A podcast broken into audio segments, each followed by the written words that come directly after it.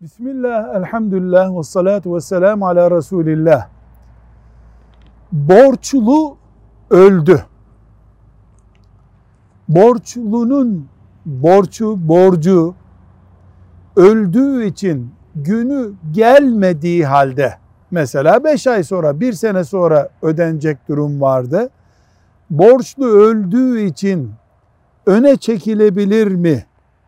Varisleri mesela babamızın borcunu 3 ay sonraydı ama şimdi ödeyelim sonra mirasını e, bölüşürüz demeleri gerekir mi? Ulemamızın büyük bölümüne göre mirasçılar ilk evvela borçları ödemelidirler. Yani birisi öldüğünde günü gelmemiş de olsa borçları öne çekilip da verilmeli, hak sahiplerine verilmeli.